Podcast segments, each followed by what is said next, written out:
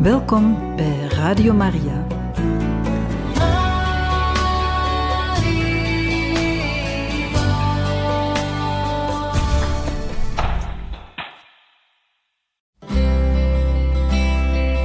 Welkom bij Boekat, een programma van Radio Maria.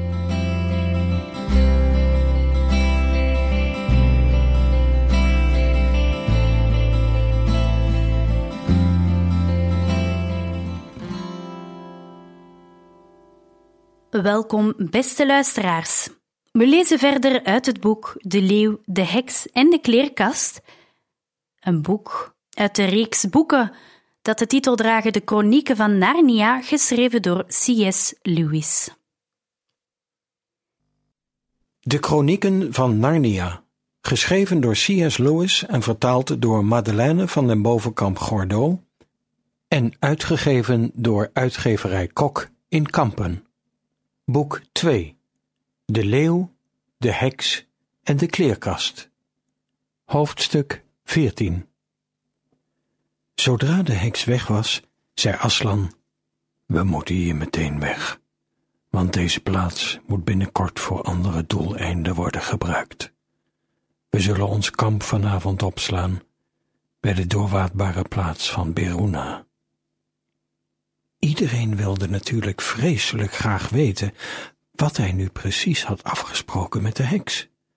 Maar zijn gezicht stond ernstig en zijn reusachtige gebrul klonk nog na in hun oren, en daarom durfde niemand het te vragen.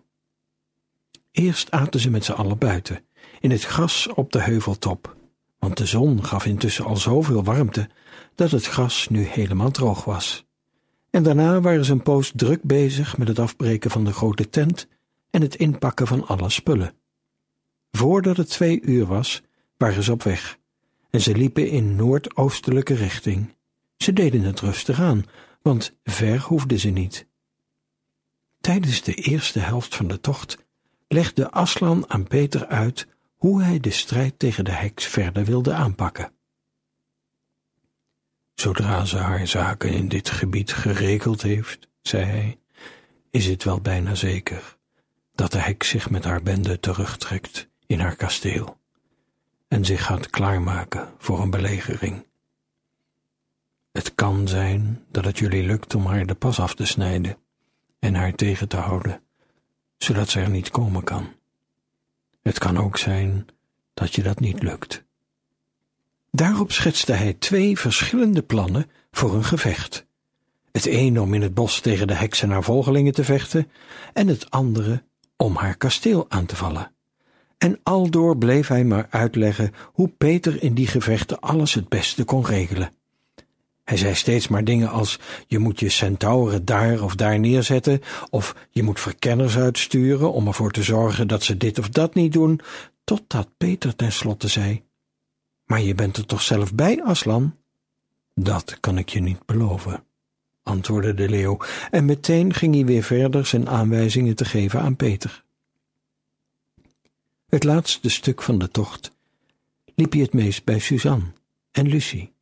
Hij zei niet veel, en ze vonden dat hij er bedroefd uitzag. Het was nog steeds middag toen ze weer naar beneden het rivierdal inliepen, op een plaats waar het dal wijd was en de rivier breed en niet diep meer. Hier was de doorwaadbare plaats van Beruna, en Aslan gaf het bevel om de tent op te zetten aan deze kant van het water. Maar Peter zei: Is het niet verstandiger om aan de overkant te kamperen? voor het geval dat ze ons vannacht probeert te overvallen of zoiets. Aslan, die blijkbaar aan iets anders had lopen denken, schrok op uit zijn gedachten, schudde met zijn prachtige manen en zei: Hm, wat zei je precies? Peter zei het nog een keer. Nee, zei Aslan vermoeid, alsof het niet belangrijk was. Nee, vannacht valt ze niet aan. En toen zuchtte hij diep. Maar even later zei er nog bij: Toch was dat op zichzelf goed bedacht. Zo hoort een goede soldaat te denken, maar het maakt weinig uit. En dus gingen ze door hun kamp op te zetten. Die avond werden ze allemaal door Aslans vreemde stemming aangestoken. Peter vond het bovendien helemaal geen prettig idee dat hij de strijd alleen zou moeten voeren. Hij was behoorlijk geschrokken van het bericht dat Aslan er wel eens niet bij zou kunnen zijn. Onder het avondeten was het erg rustig. Allemaal dachten ze eraan hoe anders het de avond tevoren was geweest, of zelfs die ochtend nog. Net begon alles wat beter te gaan en nu leek het wel alsof dat alweer afgelopen was. Suzanne was er zo neerslachtig van geworden dat ze er, toen ze eenmaal in bed lag, niet van kon slapen. En nadat ze tot honderd had liggen tellen en een hele poos had liggen woelen, hoorde ze vlak naast zich Lucie in het donker een diepe zucht slaken en zich omdraaien. Kun je ook niet slapen? zei Suzanne. Nee, zei Lucie. Ik dacht dat jij sliep. Zeg, Suzanne. Ja? Ik ben bang. Ik heb zo'n gevoel alsof er iets ergs gaat gebeuren. Heb jij dat ook? Want eigenlijk had ik ook al zo'n gevoel.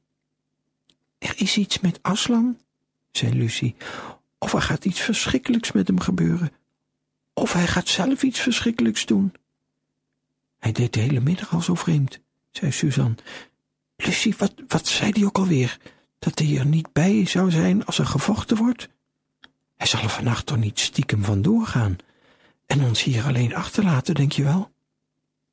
Waar is die eigenlijk? zei Lucie. Is die hier in de tent?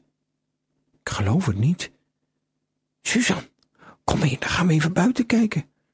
Misschien zien we hem daar ergens. Ja, goed, zei Suzanne. We kunnen net zo goed buiten rondlopen als hier wakker liggen. Heel zachtjes kropen de meisjes allebei op de tast tussen de anderen door die daar lagen te slapen en slopen de tent uit. De maan scheen helder en het was helemaal stil buiten. Alleen het geluid van de rivier die over de stenen kabbelde was te horen. Toen greep Suzanne Lucie plotseling bij haar arm en zei: Kijk daar! Aan de overkant van het weidje waar ze hun kamp hadden opgeslagen, net tussen de eerste bomen van het bos, zagen ze de leeuw langzaam weglopen. Zonder iets te zeggen gingen ze hem allebei achterna. Hij liep voor hen uit tegen de steile helling op, het rivierdal uit en daarna boog hij een beetje naar rechts af. Blijkbaar ging hij terug langs dezelfde weg die ze die middag gelopen hadden, toen ze van de heuvel van de stenen tafel kwamen. Steeds verder liep hij door donkere schaduwen en door het bleke maanlicht, zodat hun voeten helemaal nat werden van de dauw op het gras. Hij zag er heel anders uit dan de Aslan die ze kende. Hij liet zijn staart en zijn kop hangen en hij liep langzaam, net of hij heel, heel moe was. Toen, bij het oversteken van een wijde open plek waar nergens schaduw was, zodat de meisjes zich niet langer konden verstoppen, bleef hij staan en keek om. Ze hoefden niet meer te proberen om nog weg te lopen, en dus kwamen ze naar hem toe. Toen ze dichterbij gekomen waren, zei hij: O kinderen, waarom lopen jullie achter me aan?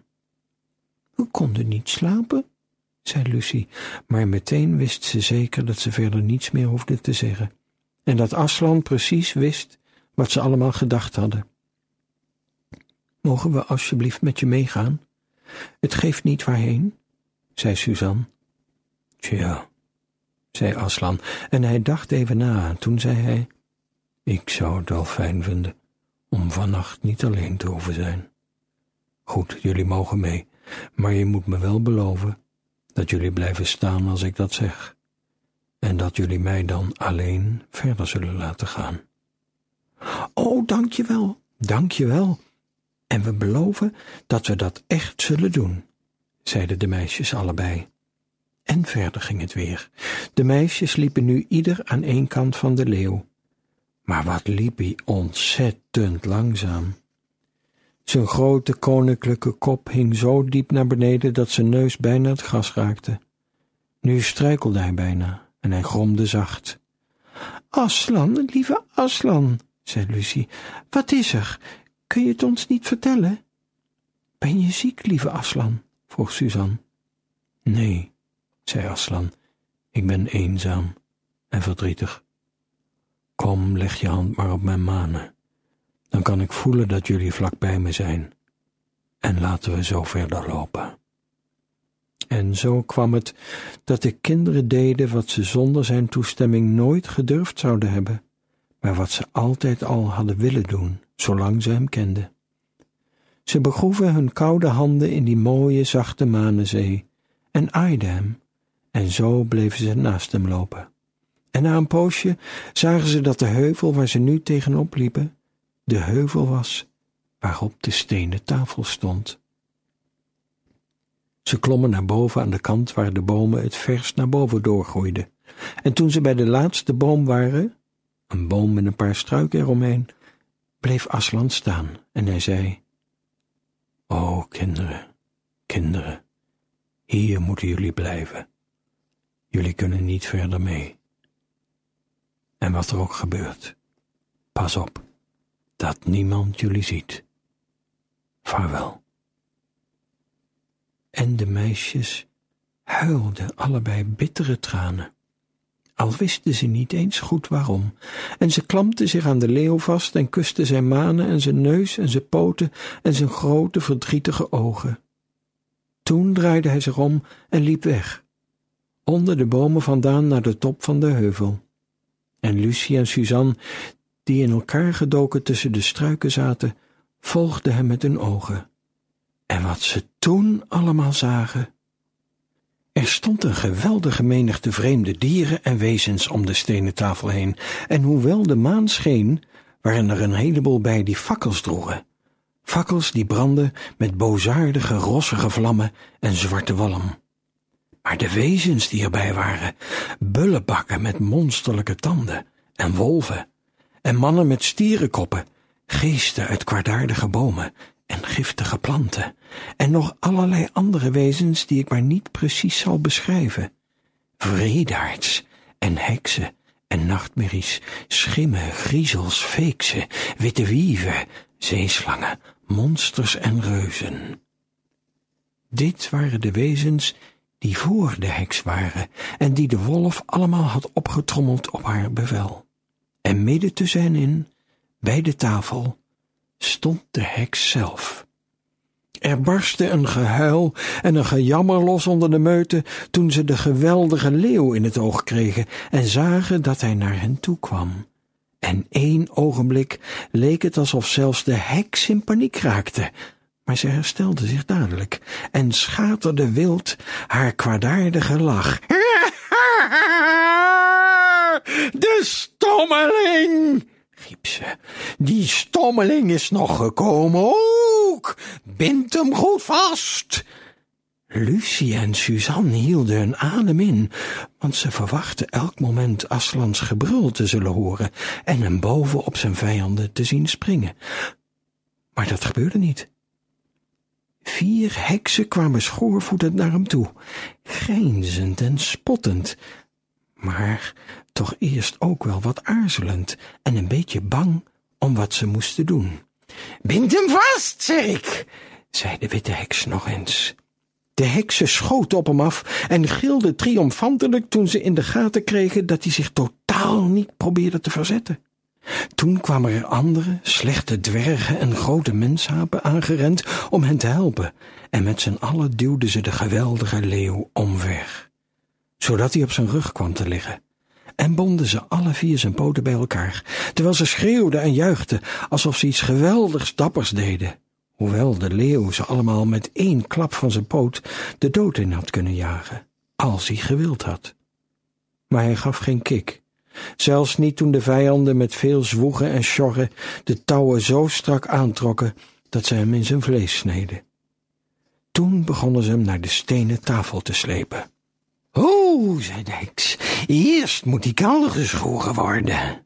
Opnieuw begonnen haar volgelingen te brullen van het lachen, toen een bullebak naar voren kwam met een grote schaar om schapen mee te scheren en neerhurkte bij Aslans kop. Knip, knip, knip ging de schaar en dikke plukken golvend goud vielen op de grond.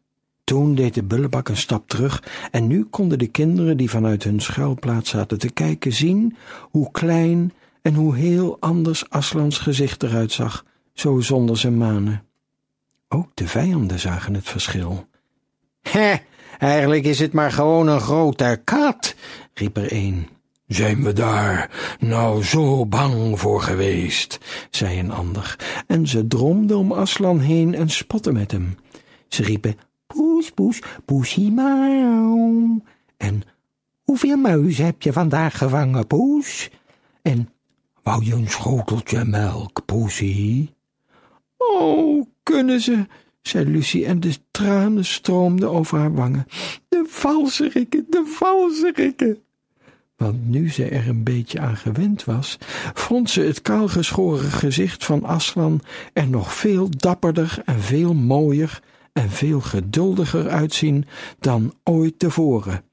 Doe hem een muilkorf om, zei de heks, en zelfs toen ze bezig waren hem een muilband om zijn kop te binden, had één beet van zijn kaken nog zeker twee of drie van hen hun handen kunnen kosten. Maar Aslan verroerde zich niet.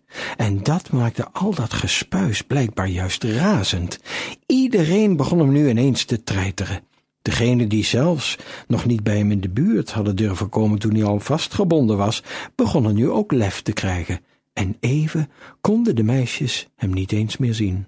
Zo dicht dromde de hele meute van wezens om hem heen om hem te schoppen, te slaan, te spugen en uit te schelden. Maar tenslotte kreeg het gespuis er genoeg van. Ze begonnen de vastgebonden en gemuilkorfde leeuw naar de stenen tafel te slepen. De ene helft trok en de andere helft duwde. Hij was zo geweldig groot dat het hun nog de grootste moeite kostte om hem er bovenop te hijsen, toen ze hem daar eenmaal hadden. Daarna werd hij met nog meer touwen vastgeknoopt en werden de touwen nog strakker aangetrokken. Lafstelletje, wat een lafstelletje, snikte Suzanne. Zijn ze nu nog steeds bang voor hem? Nu zelfs nog? Toen Aslan eenmaal op de platte steen vastgebonden was, en zo stevig vastgebonden dat hij gewoonweg één grote wirwar van touwen was, werd het stil. Vier heksen, ieder met een fakkel in haar hand, stonden elk bij een hoek van de tafel. De heks ontbloot haar armen, precies zoals ze de vorige avond had gedaan toen het Edmund was in plaats van Aslan. Toen begon ze haar mes te slijpen. De kinderen vonden dat het bij het schijnsel van de fakkels net leek of het mes van steen was en niet van staal, en het had een vreemde, vrede vorm. Ten slotte kwam ze naar hem toe. Ze ging bij Aslans kop staan. Haar gezicht vertrok telkens zenuwachtig, zo opgewonden was ze, maar dat van hem keek omhoog naar de hemel boven hem, nog altijd heel rustig, niet boos en ook niet bang. Alleen een beetje verdrietig. Toen, met het mes al in de hoogte, boog ze zich voorover en zei met sidderende stem, En wie wint er nu? Idioot die je bent, dacht je nu heus dat je met dit alles dat menselijke verradertje kon redden? Nu maak ik jou dood in plaats van hem, zoals we afgesproken hebben. En daarmee hebben we netjes aan de eisen van de verborgen kracht voldaan. Maar als jij eenmaal dood bent, wie kan mij dan nog beletten om hem ook te doden? En wie is er dan nog om hem uit mijn handen te redden? Begrijp goed dat je me Narnia nu voor goed hebt gegeven, dat je je eigen leven kwijt bent en dat je het zijne er niet mee hebt kunnen redden. Als dat goed tot je doorgedrongen is, sterf dan nu zonder hoop. De kinderen zagen niet hoe hij gedood werd toen het gebeurde. Ze konden het niet langer aanzien en hadden hun handen voor hun gezicht geslagen.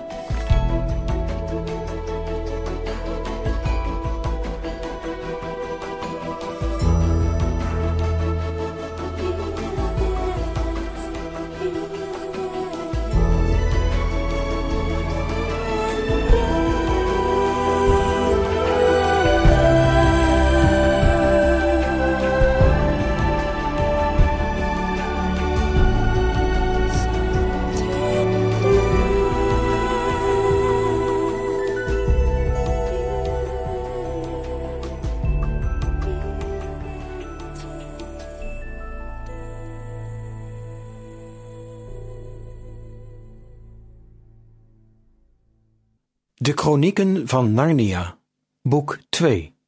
De leeuw, de heks en de kleerkast. Hoofdstuk 15. Nog steeds zaten de beide meisjes met hun handen voor hun ogen in de struiken weggedoken toen ze de stem van de heks hoorden roepen, Vooruit, kom mee allemaal, dan zullen we de rest van deze oorlog eens even snel afhandelen. Het zal ons nu niet veel moeite meer kosten om dat mensentuig en die verraders uit te nu die geweldige idioot, die grote kat, dood is. Op dat ogenblik werd het even levensgevaarlijk voor de kinderen want met woeste kreten en onder gierend gejank van doedelzakken en schil getetter van horens kwam al het gemene gespuis in één grote horde van de heuveltop naar beneden stormen. Het hele spul denderde vlak langs hun schuilplaats de helling af. Ze voelden de spoken als een ijskoude windvlaag langskomen, en de grond dreunde onder hun voeten door het stampen van de minotaurenhoeven en boven zich hoorden ze gefladder van vale vleugels, en er vloog een zwarte zwerm van roofvogels en reuzenvleermuizen over hen heen. Op elk ander moment zouden ze hebben zitten trillen van angst, maar nu waren ze zo vol van hun verdriet om Aslans vernedering en van afgrijzen over Aslans dood, dat ze aan het gevaar nauwelijks dachten. Zodra het weer stil geworden was in het bos, kropen Suzanne en Lucie uit de struiken tevoorschijn en liepen de kale heuveltop op. De maan stond al laag en er dreven dunne wolkenslierten voorbij, maar ze konden de omtrekken van de leeuw nog zien op de stenen tafel, dood en met touwen vastgebonden. Ze gingen allebei op hun knieën in het natte gras zitten en kusten zijn koude gezicht en streelden zijn prachtige vacht wat er nog van over was tenminste, en huilden tot ze niet meer huilen konden. En toen keken ze elkaar aan, en ze hielden elkaars hand vast, omdat ze zich zo vreselijk eenzaam voelden, en begonnen weer te huilen. En daarna werden ze weer stil. Ten slotte zei Lucie, ik kan die afschuwelijke muilband niet aanzien. Zullen we hem die niet af kunnen doen? Ze probeerden het, en na een bol gepeuter, want ze hadden koude vingers gekregen en de nacht was nu op zijn donkerst, lukte het hun. En toen ze zijn gezicht zo zonder muilkorf zagen, barstte ze opnieuw in huilen uit en kuste zijn gezicht en aaide erover en veegde het bloed en het vuil er zo goed mogelijk af. En alles was zo akelig en hopeloos en ellendig, dat ik niet weet hoe ik het vertellen moet. Wat denk je? Zouden we die touwen ook niet los kunnen maken? zei Suzanne na een poosje. Maar de vijanden hadden puur uit gemeenheid de touwen zo strak aangetrokken dat de meisjes de knopen onmogelijk los konden krijgen. Ik hoop dat niemand die dit boek leest zich ooit zo ongelukkig gevoeld heeft als Suzanne en Lucie die nacht. Maar als je je ooit wel eens zo gevoeld hebt, als je de hele nacht wakker bent geweest en gehuild hebt totdat je geen traan meer over had, dan weet je ook dat er op een gegeven moment een soort kalmte over je komt. Je krijgt het gevoel dat er nu verder nooit meer iets kan gebeuren. Dat gevoel hadden de twee meisjes in elk geval op het laatst. Er leken uren en uren voorbij te gaan in deze doodse stilte, en ze merkten nauwelijks dat ze het steeds kouder kregen. Maar tenslotte drongen er toch twee andere dingen tot Lucie door. Het ene was dat de hemel aan de oostkant van de heuvel minder donker was dan een uur geleden. En het andere was dat er iets heel kleins heen en weer kroop tussen het gras bij haar voeten. In het begin interesseerde haar dat niet. Wat deed het ertoe? Het maakte nu allemaal niets meer uit. Maar tenslotte zag ze dat dat wat het ook zijn mocht, tegen de staande stenen onder de stenen tafel begon op te kruipen. En nu begonnen die, wat het dan ook waren, heen en weer te dribbelen over Aslans lichaam. Ze bukte zich om beter te kunnen zien. Het waren kleine, grijze dingetjes. Bah, zei Suzanne, die aan de andere kant van de tafel zat. Wat smerig! Er kruipen muizen over hem heen. Ga weg, Engerts! En ze tilde haar hand al op om ze weg te jagen. Nee, wacht, zei Lucie, die er nog eens wat beter naar had gekeken. Zie je wat ze aan het doen zijn? De beide meisjes bogen zich voorover en keken gespannen toe. Ik geloof, warempel, zei Suzanne. Wat gek, ze zitten aan die touwen te knagen. Dat dacht ik ook al, zei Lucie. Volgens mij zijn het goede muizen. Die arme diertjes, ze hebben niet in de gaten dat hij dood is. Ze denken zeker dat het helpt als ze hem losmaken. Intussen begon het zichtbaar lichter te worden. De meisjes zagen allebei nu pas voor het eerst elkaars bleke gezicht. Ze konden de muizen nu goed zien knagen. Tientallen, misschien wel honderden kleine veldmuisjes. Ten lange leste hadden ze één voor één alle touwen doorgeknaagd. De lucht in het oosten was nu bleekgrijs en de sterren begonnen te vervagen op één heel grote ster na die in het oosten stond, vlak boven de horizon. Ze hadden het nu ontzettend koud. Zo koud hadden ze het de hele nacht nog niet gehad. De muizen gingen er schichtig weer vandoor. De meisjes legden de overblijfselen van de doorgeknaagde touwen opzij. Zonder die touwen zag Aslan er alweer wat meer als Aslan uit. Zijn dode gezicht ging er steeds nobeler uitzien, omdat het lichter werd en ze het steeds beter konden zien. In het bos achter hen klonk het klokkende geluid van een vogel. Het was al die uren zo doodstil geweest dat het hen aan het schrikken maakte. Toen gaf er een tweede vogel antwoord, en niet lang daarna hoorden ze van alle kanten vogels zingen. Nu was het echt heel vroeg in de ochtend en niet meer heel laat in de nacht. Ik heb het zo koud, zei Lucie. Ik ook, zei Suzanne. Zullen we wat heen en weer gaan lopen? Ze liepen naar de oostkant van de heuveltop en keken naar beneden. De ene grote ster was bijna weggevaagd. Het hele land was donkergrijs, maar daarachter, helemaal aan het einde van de wereld, kon je de zee bleek en vaag zien glanzen. De hemel begon langzaam rood te kleuren. Om warm te blijven liepen ze zo vaak heen en weer tussen de dode Aslan en de oostrand van de heuvel, dat ze tenslotte de tel kwijtraakten. En oh, wat waren hun benen zwaar.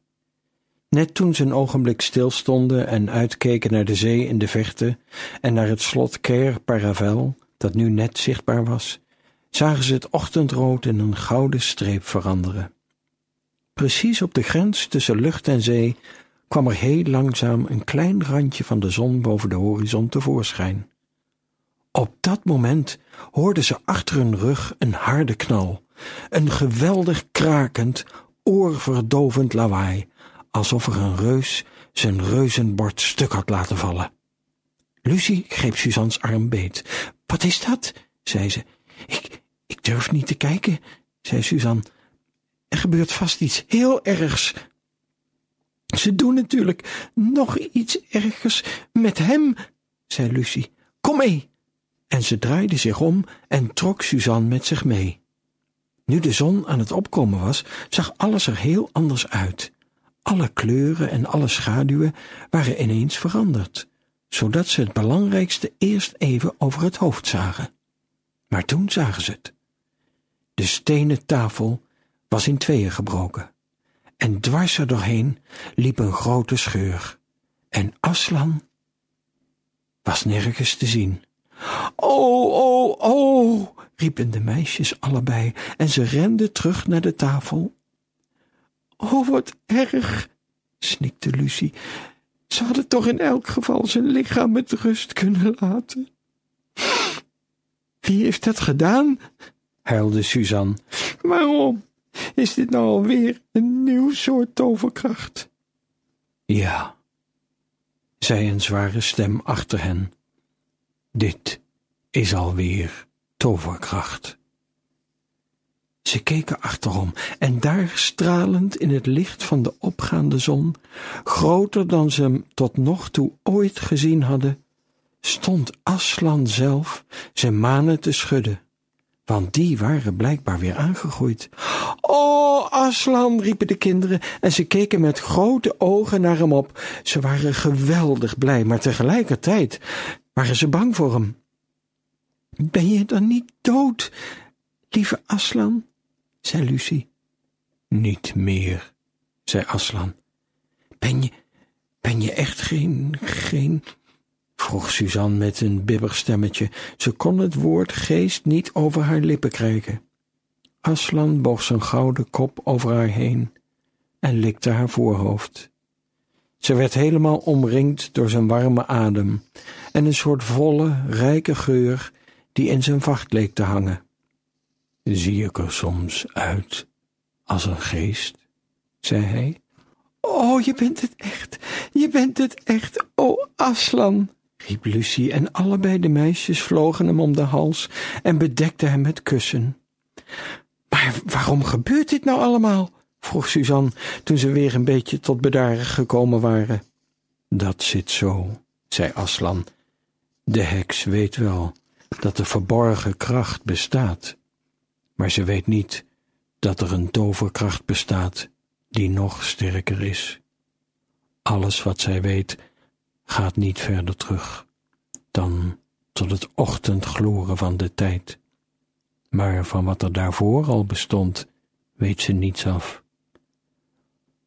Als ze nog maar een beetje verder terug in het verleden had kunnen kijken, in de stille duistere nacht, voordat de dag van de tijd begon, dan had ze daar een heel andere betovering kunnen lezen.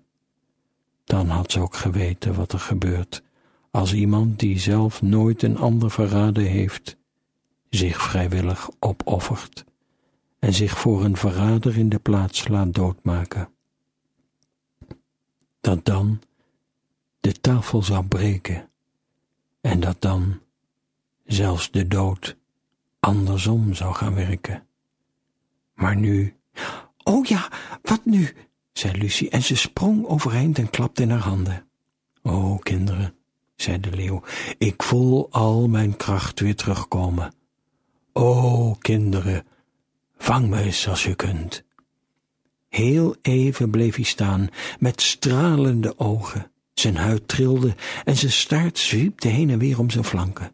Toen nam hij een sprong, hoog over hun hoofden heen, en kwam neer aan de andere kant van de tafel.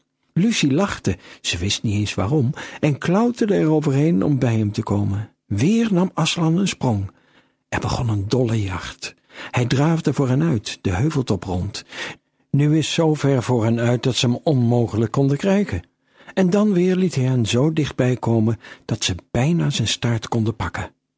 Nu eens dook hij tussen hen door, en dan weer gooide hij hen hoog de lucht in met zijn sterke voorpoten, de nagels van zijn klauwen ingetrokken, en ving hij hen weer op. Ook bleef hij onverwacht staan, zodat ze alle drie over elkaar heen rolden als een lachende, vrolijke kluwe bont en armen en benen. Het was een stoeipartij zoals niemand ooit heeft meegemaakt, of het moest in Narnia zijn. Lucie kon het er later nooit met zichzelf over eens worden waar het nu het meest op leek. Op spelen met een onweersbui of op spelen met een jong poesje. En het gekste was dat toen ze alle drie eindelijk in de zon lagen uit te hijgen, de meisjes absoluut niet moe meer waren en geen honger of dorst meer hadden. En nu, zei Aslan even later, aan het werk. Ik voel dat ik moet brullen. Jullie kunnen maar beter zo lang je vingers in je oren stoppen. En dat deden ze. En Aslan ging staan en toen hij zijn muil opendeed om te brullen, zag zijn gezicht er ineens zo angstaanjagend uit dat ze er niet naar durfden te kijken. En ze zagen alle bomen voor hem dubbel buigen door de kracht van zijn gebrul, zoals het gras in het open veld dubbel buigt als het waait. Toen zei hij, we hebben nog een lange reis voor de boeg. Jullie moeten maar op mijn rug rijden. En hij zakte door zijn knieën, zodat de kinderen op zijn warme, gouden rug konden klimmen. Suzanne zat vooraan en hield zich stevig aan zijn manen vast. Lucie zat achter haar en hield zich goed aan Suzanne vast. En met een grote zwaai kwam hij onder hen overeind en schoot er vandoor, sneller dan ooit een paard draven kan, de heuvel af en het dichte bos in.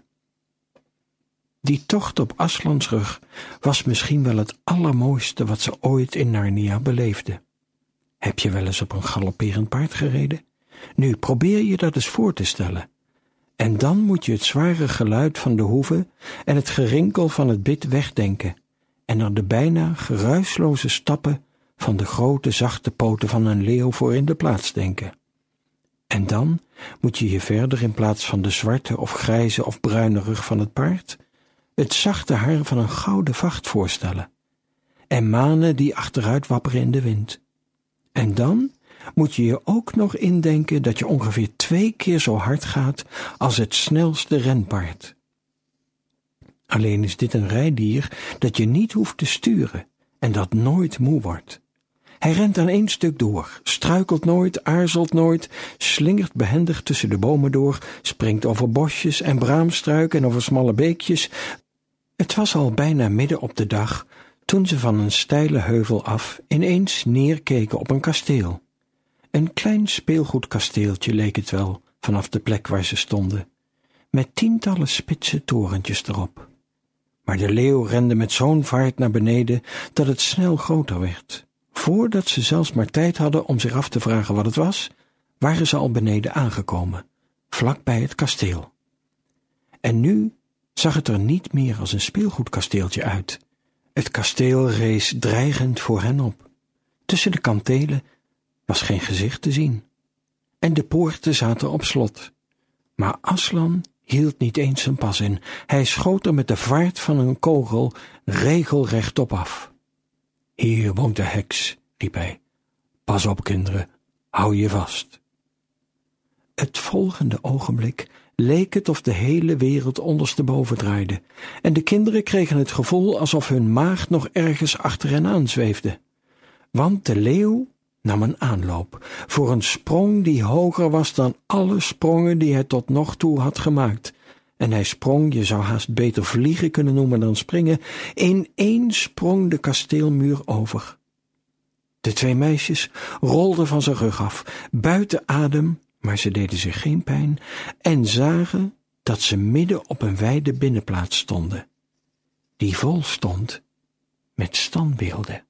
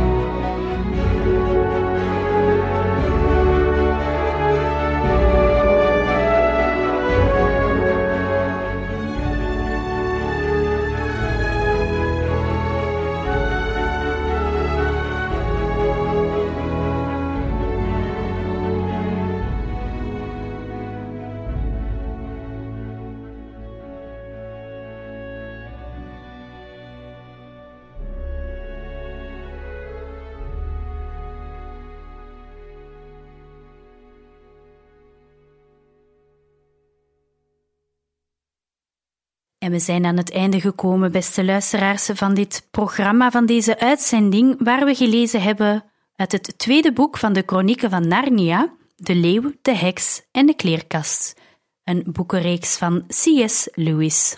Tot de volgende keer.